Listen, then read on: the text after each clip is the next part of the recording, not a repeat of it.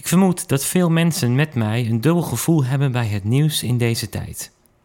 Aan de ene kant maken alle berichten over de dreiging van terrorisme je een beetje angstig. Aan de andere kant wil je je niet door die angst laten leiden. Ik heb nagedacht of ik in de Bijbel inspiratie kon vinden voor hoe om te gaan met deze angst. En ik wil u daarom meenemen naar Nehemia, het boek van de gelijknamige profeet die in een tijd leefde dat terrorisme minstens zozeer aan de orde van de dag was als nu. Heel kort het verhaal. Israël had in ballingschap gezeten en op wonderlijke wijze mag Nehemia beginnen met het proces om de muren van Jeruzalem weer op te bouwen. Dat was een angstige tijd en aanslagen dreigden, zo ongeveer op het moment dat de muur weer half was opgebouwd en het volk vastbesloten was om door te gaan. We lezen in Nehemia 4 vers 1 toen Sanballat en Tobia en de Arabieren, de Ammonieten en de Asdodieten hoorden dat het herstel van de muren van Jeruzalem vorderde en dat de gaten langzaam maar zeker werden gedicht, werden ze woedend. Ze spannen samen om eendrachtig Jeruzalem aan te vallen en er verwarring te stichten. Halverwege de herbouw, zo ongeveer op dit moment, begint het volk ook te klagen. Uit de angst, denk ik. En dan is het interessant te zien wat Nehemia doet.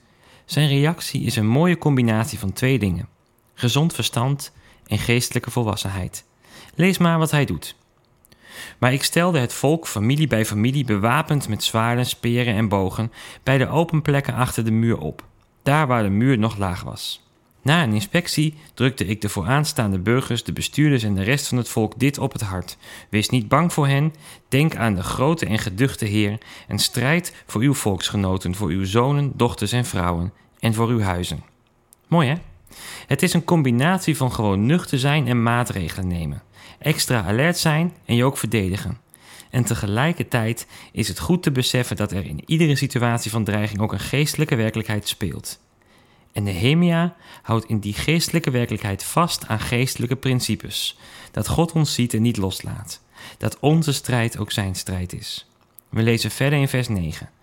Toen onze vijanden merkten dat wij van hun plannen op de hoogte waren en dat God ze had verijdeld, konden we ons werk aan de muur hervatten.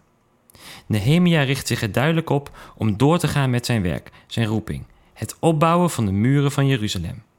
Ook hier zien we weer zijn geestelijke volwassenheid en tegelijkertijd zijn gezonde verstand.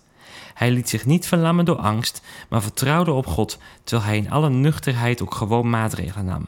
Het mooist vind ik de omschrijving van de lastdragers in vers 11. Daar staat: Zij deden het werk met de ene hand en hielden hun werpspies in de andere.